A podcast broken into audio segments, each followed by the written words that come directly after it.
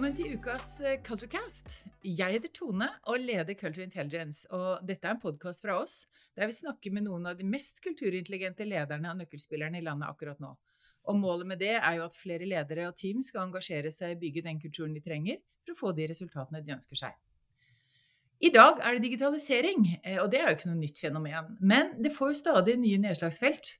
Og alle bransjer er jo utsatt for det, og alle må snakke om det. Og dette fører til nye måter å jobbe på. Og for at vi i næringslivet skal få dette til, så trenger vi både utvikling, innovasjon, nye verktøy og ny kultur. Og dette våkner ikke folk opp en dag og kan og har på plass. Men heldigvis så finnes det noen som har tenkt på det. Og min gjest i dag er på de fleste av disse temaene, og hun utfordrer og empower ledere og team spiller de gode og pusher de litt mot den digitale kanten. Og hun har tidligere jobbet både i DNB og i Aker ASA, og i tillegg så sies det at hun har vært snowboardproff. Eh, og hun er god på å fasilitere og reflektere, og i dag hos oss skal hun kommunisere. Så velkommen til oss, CEO i Digital Norway, Liv Dingsør. Tusen takk. Jeg liker å si var... daglig leder, eller mindre Daglig leder. Da kaller vi deg det. Daglig leder. Du Liv, eh, kort om deg. Eh, har du alltid vært eh, høy, langt ute på scenekanten og på en måte kommunisert på store arenaer? Nei, absolutt ikke. Men nå sitter jeg i 16 etasje her da, oppe på Rebell, så jeg liker ja. meg vel litt i høyden. Det er kanskje noe med at det gir et overblikk, da. Og er det noe vi trenger akkurat nå, så er det jo, er det, jo det. Ja, Men hoppkanten er jo noe annet, da. Så det å ja. tilsette utfor kanter, det har jeg jo drevet mye med. Ja. Uh, det, kan ikke du ta et par minutter om det, bare? Snowboardproff, eh, det visste jeg ikke. Ja, Nei da, det var en fin tid, det må jeg jo bare si. Det føles som et annet liv, da. Uh, ja. Men samtidig så ser jeg at det er en del ting man liksom kan ta med seg, da. Um, og jeg tror jo, det kan vi sikkert snakke mer om, men jeg tror vel det at det som vi alle må bli enda råere på fremover nå, det er å være litt uredde. Eh, og det å liksom tørre å hive oss utfor uten at vi helt vet hvordan det kommer til å, til å ende. Så den evnen, eh, snowboard-evnen, da, eh, hvor du skal sette utfor et ganske stort hopp, du kan på en måte ikke nøle. Eh, du må evne å skru av huet liksom, i det millisekundet idet du liksom velger å sette utfor. Og så kan du ikke trekke deg halvveis, for da går du skikkelig på trynet. Så du må gjennomføre eh, helt ut. Da. Ja. Så det tenker jeg, den der eh, mentaliteten der eh, tror jeg vi kan eh, lære ha, for jeg stor nytte av. Det å våge å hive seg utfor hoppkanten innimellom uten helt å vite hvor man ender. Og så må jeg jo si da at det jeg tar med aller mest fra det livet, det er snowboardkulturen. Ja, fortell om den. Ja, det er Og jeg var nok ikke så bevisst på det fordi jeg var jo en del av den. Men jeg kom fra alpinmiljøet. Og det er klart, der er det mye mer sånn konkurranse én mot én. Mm. Det er det jo for så vidt i snowboardmiljøet òg, men der er det en helt annen holdning som handler om at eh, vi blir aller best hvis vi pusher hverandre og lærer av hverandre. Og vi heier liksom på den som, som setter det beste trikset, uansett om vi da havner på andreplass, da. Eh, så, der, så, det der å liksom hjelpe hverandre, pushe hverandre, være i det sammen, selv om det er en individuell idrett til syvende og sist, det er en utrolig fin ting. Og legg merke til når du ser på OL, f.eks. Ja. Hvordan snowboarderne heier så enormt på hverandre. Og ja. gleder seg over at andre lykkes med vanskelige triks. Ikke sant? Og det er en sånn ja. fantastisk eh, mentalitet og teamorientering som jeg har veldig sansen for. Så spennende. Det, nå skjønner jeg litt mer hvorfor du alltid er så flink til å heie på ditt eget team, for det har jeg lagt merke til, så det må jo komme derfra, da. ja. ja. Veldig, veldig spennende. Eh, og dette er jo en ba, bra backdrop for å si noe om Dette med digitalisering, for det er jo et kjempestort område. Og vi trenger jo den farta, og vi trenger gjennomføringsevnen. Det, det er ikke noe tvil om, og det er ikke noe nytt fenomen. Men hvor langt har vi egentlig kommet, Liv? Hva, hva vil du si, liksom, hva er status digitalisering i Norge i dag? Ja, nei, Det er et litt sånn krevende spørsmål, da. ikke sant? Og det, uh, det er jo ikke et enkelt svar heller. Uh, og det ropes jo stadig om at Norge faller Eh, på ulike sånne digitaliseringsindekser som vi liksom, sammenlignet med land vi liker å sammenligne oss med. Da. Okay. Og da er jo noe med at det der å være first mover, som vi jo har vært på veldig mange områder. Eh, sant? Mm. Vi har vært veldig, hatt veldig sterke mm, bransjer, olje og gass f.eks., energi, hvor vi ligger ganske langt framme når det gjelder digitalisering. Eh, men det, det setter jo andre krav til taktskifter når de andre tar oss igjen. Ja. Da øker farten voldsomt, for det, de rundt oss evner å bygge videre på det vi allerede har funnet ut. Og så glemmer vi kanskje litt at å, guri malla, nå må vi faktisk trykke på gassen litt mer enn det vi er vant uh, med, da. Ja. Så, så, det vi snakker om, da, bare for å ta det, det er jo digitaliseringsbegrepet er også litt sånn vanskelig kanskje, men eh, når vi snakker om digitalisering, så snakker vi rett og slett om det der med å ta i bruk de mulighetene som digitale eh, muliggjørende teknologier gir da, til å forbedre, fornye og skape nytt. Og Derfor så handler det jo ikke bare om teknologi, men like mye om vilje og evne til endring. Så det, det, det, bruker vi veldig veldig mye tid på. Det er også en, en kultur- og lederutfordring. Ja. Ja, ja, da er du midt inne i bakgården vår, liksom, i forhold til egentlig foregården vår, i forhold til det vi prøver å få til. Ja. At, den blir, at, den blir, riktig. Ja, og så tror jeg at det der med at det at digitalisering det er jo eh, liksom, i sin natur tverrgående. ikke sant? Så det griper inn på helt nye måter i samfunnsstrukturen vår og egentlig hele leder, den, den måten vi er vant til å lede og organisere oss på. Så vi må, vi må liksom tenke helt annerledes om organisering. Altså, vi må liksom bygge mm. kompetanse på tvers. Vi må utvikle teknologier som fungerer på tvers. Vi må utvikle bedrifter som evner å operere på tvers. Og regelverk på tvers. Og ikke minst offentlig forvaltning må også evne å operere på tvers. Eh, så, så det å liksom vise verdier, vise nytteverdi, og med det inspirere til mm. handling, det tror jeg vi bare må fortsette med å gjøre. fordi at vi har ikke kommet så langt som jeg mener at vi har forutsetninger for å gjøre. Eh, og det er en mobiliseringsutfordring i Norge, sånn som jeg ser det. Og det handler litt om at vi har en veldig stor offentlig sektor som eh, sliter med å på en måte omstille seg til å jobbe litt, på en litt annen måte. Og så har vi veldig mange små og mellomstore bedrifter i Norge. Mm. Eh, Hvor det er krevende eh, rett og slett å, å, både finne tid og kapasitet, ressurser og mm. kompetanse til å være med på denne voldsomme omstillingen som digitalisering tross alt er. da. Ja. Og så er det jo bare for å avslutte litt sånn rett i din gate, da. Altså dette her med å bryte ut av veletablerte prosesser og tankemodeller. Og det, trenger, det, er jo vanskelig. Og det trenger jo ikke skyldes dårlig ledelse eller latskap, det. Det kan rett og slett bare handle at det er f.eks. det er masse historikk, altså organisasjonskultur, gamle mm. datasystemer. Og så er det komplekst å endre forretningsmodeller, da. Eh, mm. Du har en organisasjon som kanskje har spesialisert seg på en eller annen effektiv produksjon, en eller annen måte å levere dagens løsning. Det tar tid å omstille, rett og slett. Mm. Og så er det jo usikkerheten nå, da, med hvilken teknologi er det som vil slå igjennom. Eh, bare se alt som skjer med chat-GTP, som vi sikkert skal snakke litt mer om etterpå. Ja. Og så er det det siste som er liksom disse kostnadene som oppstår når disse nye løsningene kommer inn og stjeler inntekter fra gamle løsninger. Så ja. Det er jo lett å forstå at uh, man får litt behov for egentlig bare avvente og se an. Ja. Men det kan man ikke. Man må faktisk handle, altså. Man må faktisk handle. Ja. Mm. For, for, det å ikke gjøre noen ting, altså det vi kaller do nothing, det er også et valg, og det er kanskje det dyreste valget. Og det er det folk kanskje ikke alltid innser. ikke sant? At hvis du bare venter litt, nå, så går det sikkert bra, da har jeg ikke brukt noe penger. Men det er jo da du virkelig har, eh, har tapt litt penger. Så. Men dette var en mm. fin oversikt. Er, er det noen som hvis du skulle tenke på norsk næringsliv, er det noen bransjer som virkelig du tenker har fått det til? eller hvem er det som leder an i Norge i dag? Går det an å snakke om det? Nei, altså Vi har jo veldig mange fantastiske eiere rundt oss da i Dirisjonove, og jeg syns veldig mange av de gjør utrolig mye spennende innenfor sine domener. Og det, det skjer veldig mye spennende innenfor enkeltdomener, innenfor energi og, og stor mm. omstilling innenfor olje og gass. Og på forskningssiden skjer det masse. Uh, transport, mobilitet, der skjer det kjempemye spennende. Så i Totalt sett så skjer det veldig mye spennende i veldig mange bransjer og mm. industrier. Men jeg tror vi har en, et skikkelig uforløst potensial som vi prøver å jobbe med hver eneste dag. Det er å se på ok, nå skjer det så mye spennende i disse fragmenterte industriene og rundt omkring. Hvordan kan vi liksom ta de læringene ett hakk opp? Mm. Og så sikre at vi får til en bedre deling eh, og inspirasjon på tvers, så ikke alle må finne ut av alle de samme tingene. Mm. Eh, Fordi dette med legalisering, der er vi Ja, det er domene og domenekunnskap selvfølgelig er kjempeviktig å kombinere med teknologi, men samtidig er det ganske mange ting som er relativt sammenfallende og like også på tvers av industrier og mm. bransjer nå, når det gjelder det å ta i bruk datateknologi. Så jeg vil si at uh, det viktigste for oss fremover nå er jo ja, det er noen som har kommet lenger, men alle trenger å komme lenger. Eh, så ja. hvordan kan vi raskere dele det vi har funnet ut og det vi har lært? Og det er jo helt ned på sånn Hvilket regelverk måtte vi justere eller forsøke å endre for å få til dette? Hadde du en god avtalestruktur som funket? Ja. Hvordan priset vi eierskap til data? Hvordan håndterte vi sikkerheten? Her er tusen spørsmål, ikke sant? Sånne ting er jo viktig at ikke alle behøver å pønske ut, selvfølgelig. Ja. Det, det, jeg tenker på da, når du, når du forteller meg dette, så tenker jeg at de to tingene som er vanskelig, det ene er jo dette tverrfaglige innenfor et selskap. Altså det, mm. Og det har vi, har vi målt, så vi har data på det. at den evnen til å prioritere tverrfaglighet i eh, et team, den har mm. gått ned. Mm. Eh, og det skjedde i pandemien, og, og vi, vi, ser ikke at den har kommet opp igjen sånn Så vi er litt dårligere på det enn, enn før pandemien, så det ser ut som et eller annet sånn noe med, med flyt eller kompetanseflyt mista vi litt.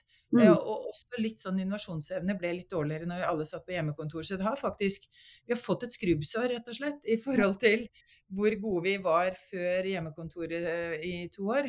Men, men, det mm. andre som jeg ser nå, som gir meg veldig håp, og som jeg syns er spennende å snakke om, det er disse nettverkene som begynner å dukke opp nå, som dere selvfølgelig er en fantastisk eh, katalysator på. For, for i går så snakket jeg med noen som hadde satt sammen ti Eh, energiselskap og som sa vi trenger å lære sammen. Og vi gjør det mm. på tvers av, av egne selskap fordi vi ser at dette er lurt å gjøre. Og mm. den delen av en kultur, den kaller vi mm. for integreringskultur. Altså at du har det mindsetet at du klarer å si disse her som egentlig kanskje er konkurrenter av meg, de er nå mine beste partnere på akkurat å finne ut av det her. Og det er ikke et mindset som du bare våkner opp og har en dag, det må du egentlig trene på og bli bevisst på. Så dette er en kjempespennende reise som vi ser også at dere er med å lede an. Og så nysgjerrigheten vår på hvordan får vi til å bygge det mindsettet i kjølvannet av det som dere setter på agendaen. Og jeg syns det der spillet der er veldig spennende og meningsfullt. Og så tenker jeg litt er det, er det sånn at dere ser at noen bedrifter har det mindsettet der, eller har den kulturen, og dermed kan være lederne, og er det derfor de blir ledende i nettverkene, eller, eller er det vanskelig å få øye på, eller hvordan, hvordan, ser du på det? Nei, altså Det er vel ofte sånn at det er veldig sjelden bedrifter. Det er stort sett folk som ja, er drivere. Noen, men de jobber et sted, kanskje? Ja, ja det, det, er godt sagt, Liv. Ja.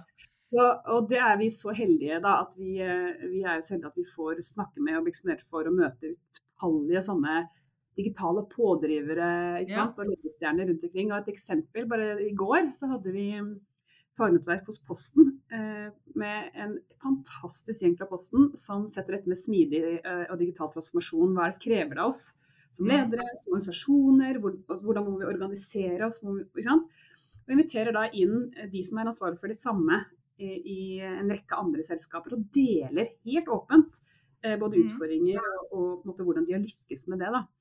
Så jeg tror det handler mer om de individene som på en måte er villige til å gjøre den lille jobben som kreves for å faktisk dele på en måte som kan mm. gi verdi, gi verdi mm. for andre. Det er superviktig. For det er klart, Posten stiller ikke bare opp sånn og har brukt fem minutter på den forberedelsen, de har forberedt seg skikkelig. ikke sant? De går inn i de konkrete problemstillingene som de vet er litt sånn relevante for andre. Eh, de våger å dele det som ikke alt bare er solskinnshistorie, men også hva som er krevende og utfordrende. Eh, og jeg tror det er superviktig, sånn som eksempelet du viste til også, at vi møtes når vi er på vei. At det ikke mm. alltid er sånn at de som er på scenen, er de som liksom er kommet i mål. Mm. Uh, I den grad man gjør det, da, noen gang. Men at vi blir flinkere til å snakke om eh, og dele liksom Nå står jeg midt oppi dette som alle dere andre. Og dette kjenner jeg på, og dette er krevende for oss, og vi trenger og sånn videre. Så jeg tror disse menneskene som, som ønsker og våger å dele, eh, og hvor ledere og på en måte tilrettelegger for at det er helt OK, ja. ikke sant? Det, det er kjempeviktig. Det er de vi jakter på. Kunne vi, og nå, nå er jeg på nå er jeg ren sånn Kunne man eh, tenkes at vi fikk tak i La oss si vi fikk tak i 20 sånne, da, som du vet om. Mm. Um, så kunne vi kartlagt de, og så kunne vi sett hva slags mindset er det de bringer med seg, og hvordan kan man uh, kopiere og videre, og bruke det som en læringsvei for mm. å utvikle riktig mindset andre mm. steder. Det er jo en sånn mm. det er, det er et prosjekt. Det er et prosjekt, og det er ganske interessant. Ja. En ting er jo på en måte eierne som våre, da, som er store norske virksomheter, som har fagmiljøer og som har mange ansatte. Det vi også er veldig opptatt av, eh, det er jo alle de små og mellomstore virksomhetene i Norge ja. som ikke nødvendigvis har det. Så vi har jo, jobber nå med et helt eget program som heter Digital pådriver.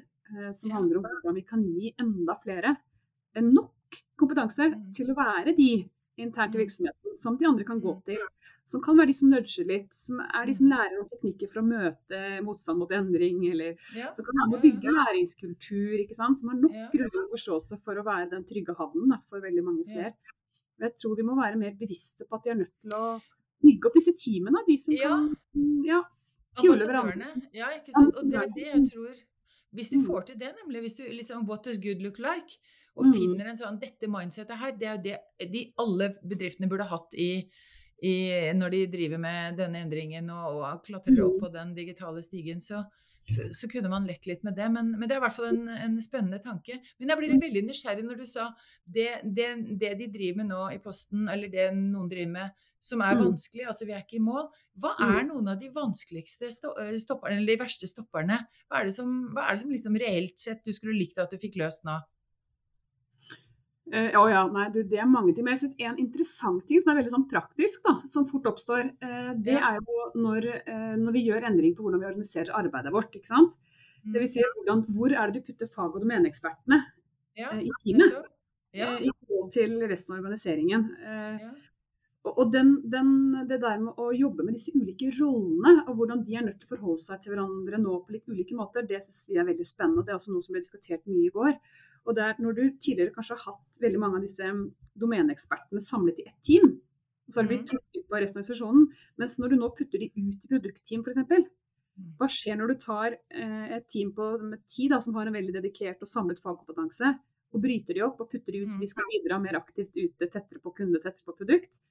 Klarer vi å liksom, vedlikeholde den spisskompetansen da? Hva skjer med fagmiljøene? Hvordan bygge så Det er mange sånne spennende diskusjoner som handler om at ja, fag- og domeneekspertene må være med å eksperimentere. De må være tettere på brukerbehovene, tettere på tjenestene, produktene og kundene. Men samtidig så er det superviktig at de fortsetter å opprettholde den faglige spisskompetansen. Mm. ikke sant?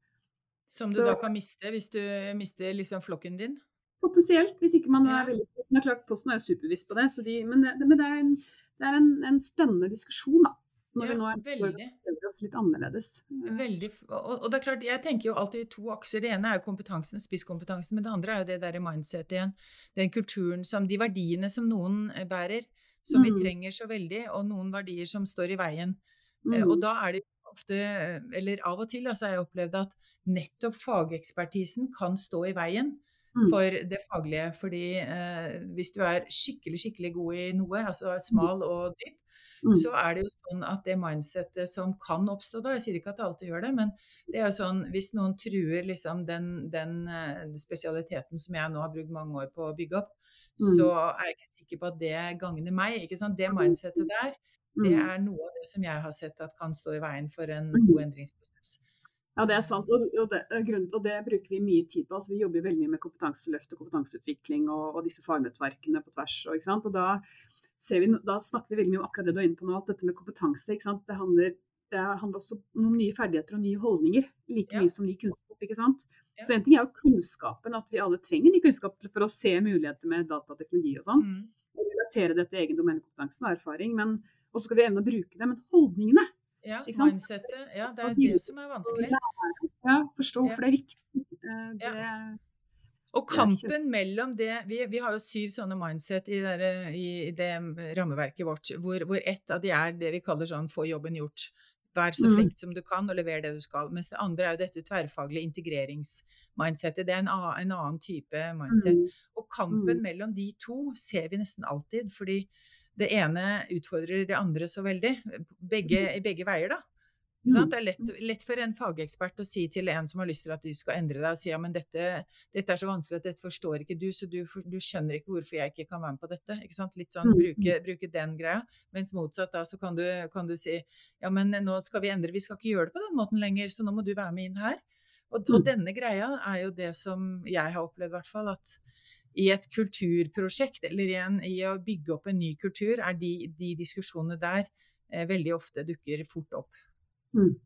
Så det er jo en, en, interessant uh, ting, tenker jeg, i forhold til det. Men du, disse, um, disse nye teknologiene nå, Det er jo ikke mm. mer enn nesten sånn i går at uh, disse ChatGPT og generativ AI og alt dette Plutselig var det overalt. Um, si litt om det, sånn som dere oppfatter det eller jobber med det, eller hvor er dette hos dere? Ja, hvor er dette hos oss? Altså, ja. det, er, det, er, jo veldig spennende. Vi jobber veldig ja. mye med det på mange ulike måter, for så vidt. Men det som har vært så interessant, som du sier, da, det var at plutselig så var det der. Ja, ja det var overalt. Ja, og, det, og vi, har, aldri, vi, tok ut et kurs i januar på dette bare for vi skjønte at her er det mange som lurer. Og det har vi aldri fått så uh, det, altså det bare var en kjempepeak på interesse for det kurset for å forstå hva ChatGPT egentlig er. da. Men det, det, som skjedde var jo at det, var, ble jo lansert slutt, i slutten av november. Og da var det plutselig i Og det er det som skjer med teknologi, at når, når det plutselig pakkes i produkt, mm. så blir det tilgjengelig for så veldig mange flere. Ja. Uh, så det, plutselig så skjønte vi jo det som disse teknologigigantene har visst kjempelenge. Hvor langt uh, kunstig egentlig er kommet da.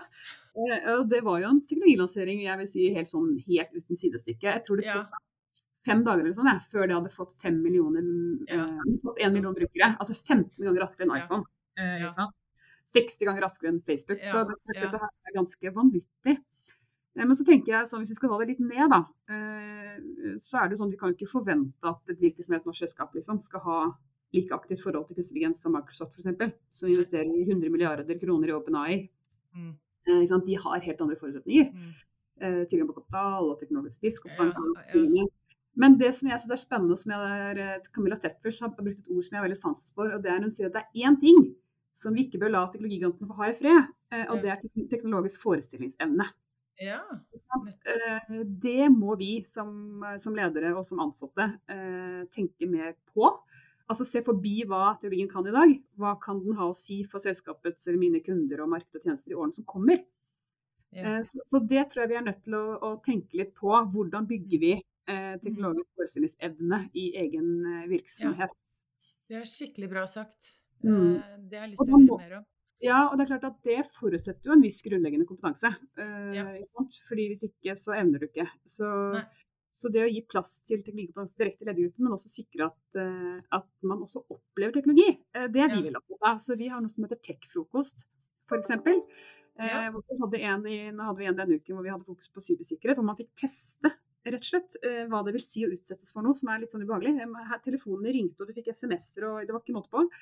Eh, og for et par uker siden så hadde vi også no code, low code-workshop, eh, hvor du fikk teste og bygge din egen app. Ikke sant? Ja.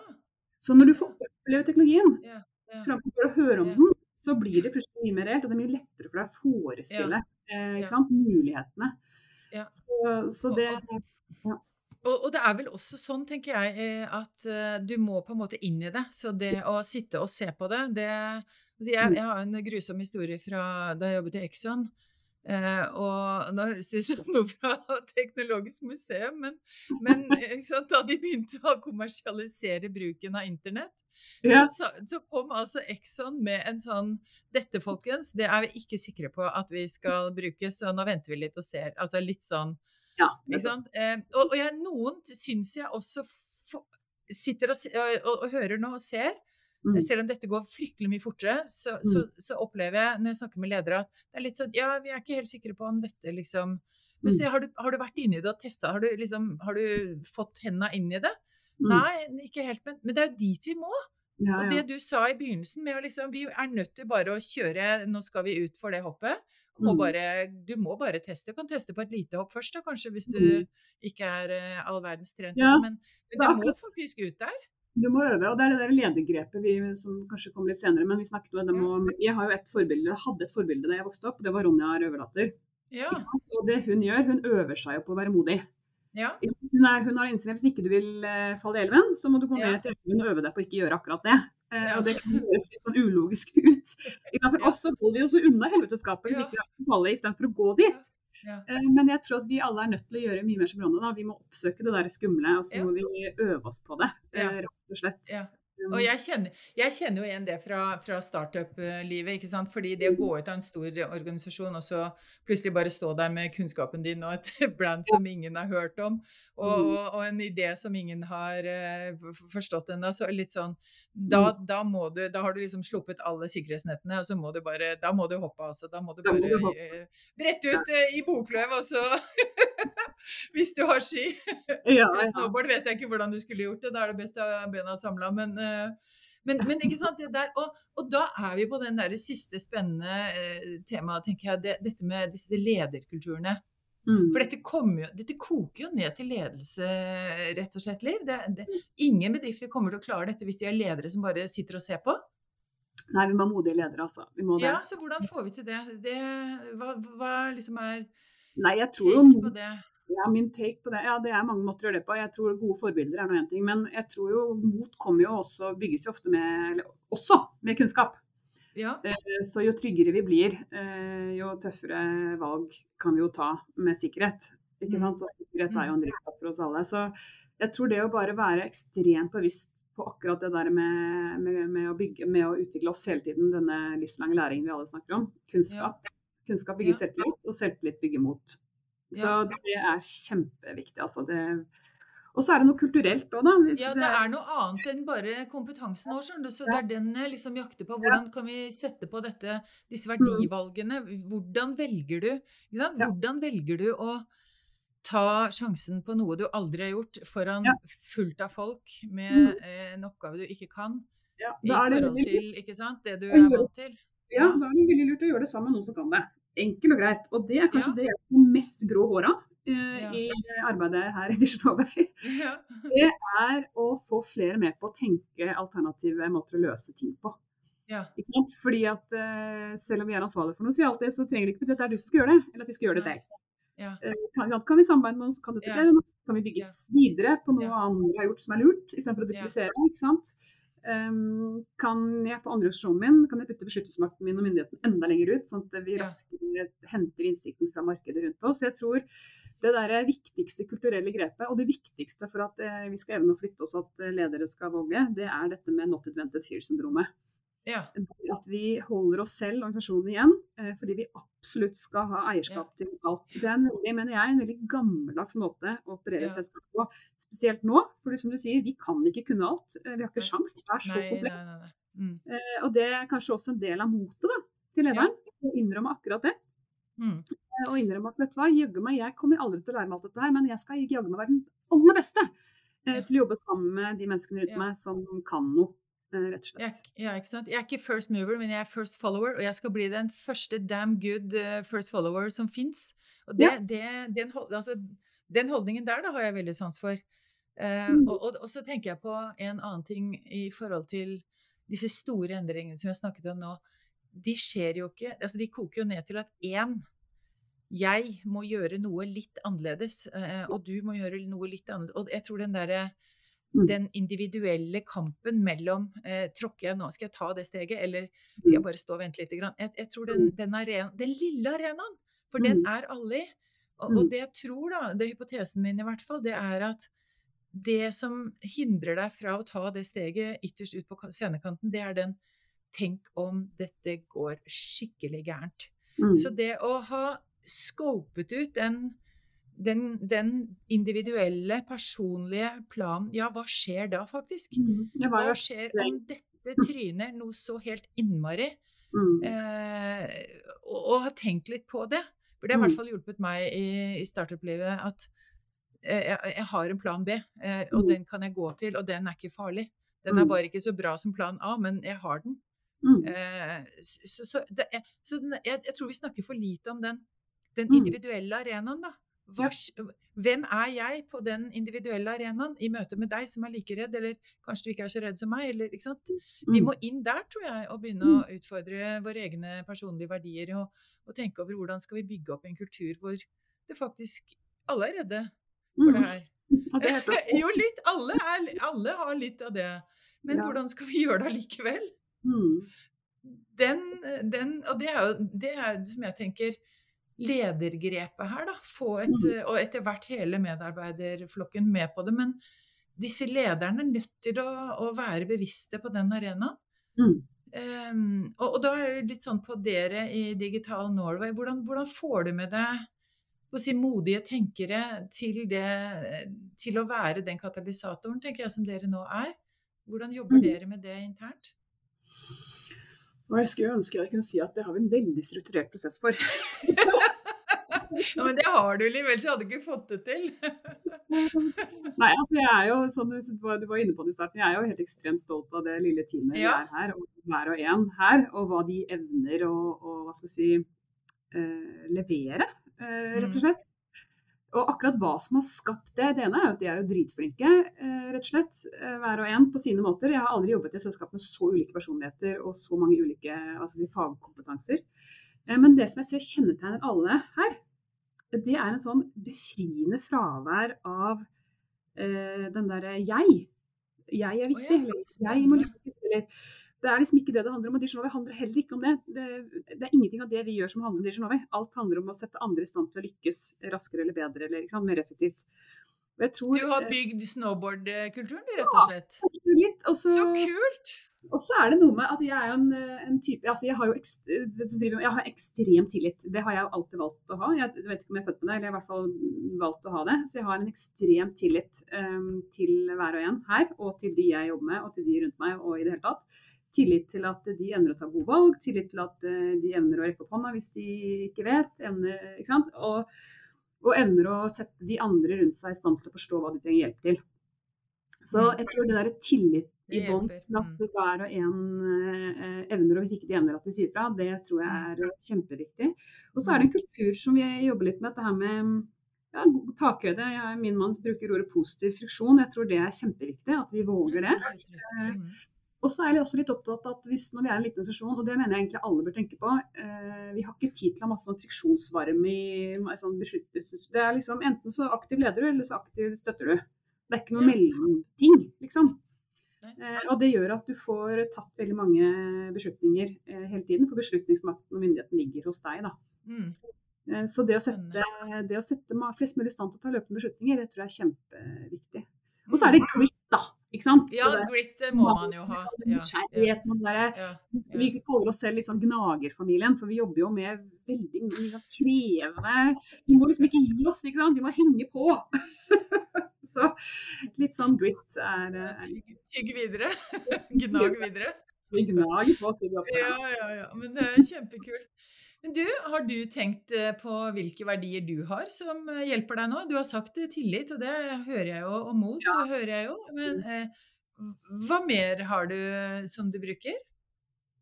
Eh, jeg har litt lav bevissthet på disse tingene, eh, rett og slett. Men det jeg gleder meg over, det er at jeg eh, kan våkne opp om morgenen og være litt tung og trøtt. Og så vet jeg inni meg at når jeg bare kommer meg på jobb og begynner å snakke med mine og setter i gang med disse store problemstillingene vi jobber med hver eneste dag, så våkner det et eller annet i meg. Et veldig Et voldsomt engasjement. Altså, jeg vet ikke hvor det kommer fra. Eh, og en glede på en måte over å få være med på å prøve å løse disse tingene sammen med veldig mange andre. Så er jeg kjempenysgjerrig på liksom hvordan vi liksom skal få det til eh, på tvers. da. Og mm. hvorfor ikke folk vil, og hva er det som gjør at det blir så vanskelig. Og, så jeg vet ikke helt akkurat hva som driver meg, men det er et eller annet som våkner i hvert fall. Ja. Eh, og det handler jo om det samspillet med andre. Jeg er jo ikke en som liker å sitte alene og Nei, det, Det slår meg ikke akkurat som en ultraintrovert. Nei, men jeg trenger mye refleksjonstid alene. Det gjør jeg for å liksom samle og sanke og liksom få konkludert sånn. Men, men, det der å hele tiden være interessert For ting flytter seg så fort. Mm. At hvis ikke du skjønner hva som driver folk, eller liksom, hvorfor er den beslutningen vanskelig, er det i deg, eller er det systemisk, mm. eller er det din leder, eller hvor er det liksom det stopper opp, da. Mm. Eh, det syns jeg er kjempespennende. Mm. Veldig spennende. Du, hvis vi skulle ønske noen nå en uh, fantastisk digital uh, reise med mer mm. kraft, hva mm. ville du sendt ut på den store eteren da? Du vet da, Nå har jeg en veldig konkret ting, faktisk. Ja, ja. uh, ta datareisen. Vi har laget, sammen med Universitetet i Bergen, brukt ett og et halvt år nå på å utvikle et helt fantastisk kunnskapsløft på data. Ja. Data er grunnleggende for all digitalisering. Det er byggeklossene. Hvis ikke vi forstår ja. mulighetene med data, så får vi ikke gjort noe som helst. Det ligger nå ute. Eh, ti timer sånn sirkum sarkum gir ja. deg altså et fantastisk eh, grunnleggende, litt mer grunnleggende, eh, forståelse av muligheten med data. Datareis.no. Fritt tilgjengelig, gratis for hele Norge. Wow. With love from Digital Norway. With, love from uh, Digital Norway. Det, er fantastisk. Eh, folkens, det her er bare å gjøre. altså Ti timer, det er det tid til. Ta en helg eller bruk påsken eller hva som helst, men det her hvis, hvis det, leder, så sett dine medarbeidere i gang med data. Ja, veldig. Det var lurt. Det var helt konkret. Mm. Så bra. Det, det, skal jeg sende mine eh, inn i oss, selv om mm. vi har noen flinke folk der som ikke trenger det. Men vi har noen som kanskje kunne hatt godt av det også. Det skal jeg jammen sjekke ut, så takk skal du ha. Men dette er for alle. Dette er for alle, og det er veldig bra. Så det håper vi nå at, eh, at lytterne våre har skjønt. Eh, og det som er det viktige da, det er å gå fra sånn the knowing doing gap og være bevisst på det. ikke sant? At ja, jeg vet det, men Men hallo, har du gjort noe med det? Mm. Um, det er jo der kampen står. Ja. Så, så det, dette var en fin avslutning, Liv, og veldig, veldig mye kult. Og det har jeg lyst til å snakke mye mer om, selvfølgelig. Så vi må jo lage en eh, kapittel to på det her. Eh, og se litt hvordan dette går med, med både Norge og oss og, og oss personlig. Jeg hørte som hører veldig opptatt av den personlige, individuelle reisen akkurat nå. Jeg merker mm. at det, det er veldig fascinerende. Mm. Men eh, takk skal du ha, Liv, for at du er med å både bygge et mer digitalt eh, næringsliv og mye mer verdifullt. Kjempeinteressant. Og at du er den inspiratoren som du er. Det tror jeg mange, mange, mange er glad for. Så tusen takk på vegne av mange flere enn meg. takk skal du ha, det var hyggelig ord. Ja, og så har jeg lov til å si eh, til alle at hvis du lytter på Spotify, så, så kommer det en poll som dere kan svare på i etterkant. Vi er veldig glad for tilbakemeldinger, og inkludert alle som hører på hos deg også. Så takk skal du ha. Ha en eh, nydelig helg, og kos deg med alt sammen. Og så gleder jeg meg til å snakke mer om eh, alt det her faktisk med deg. Enig. Vi fortsetter. Ja, vi gjør det. OK. Ha det godt. Ha det.